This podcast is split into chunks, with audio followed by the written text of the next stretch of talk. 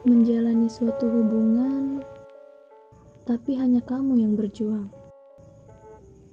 Memilih untuk bertahan dengan alasan cinta yang amat dalam.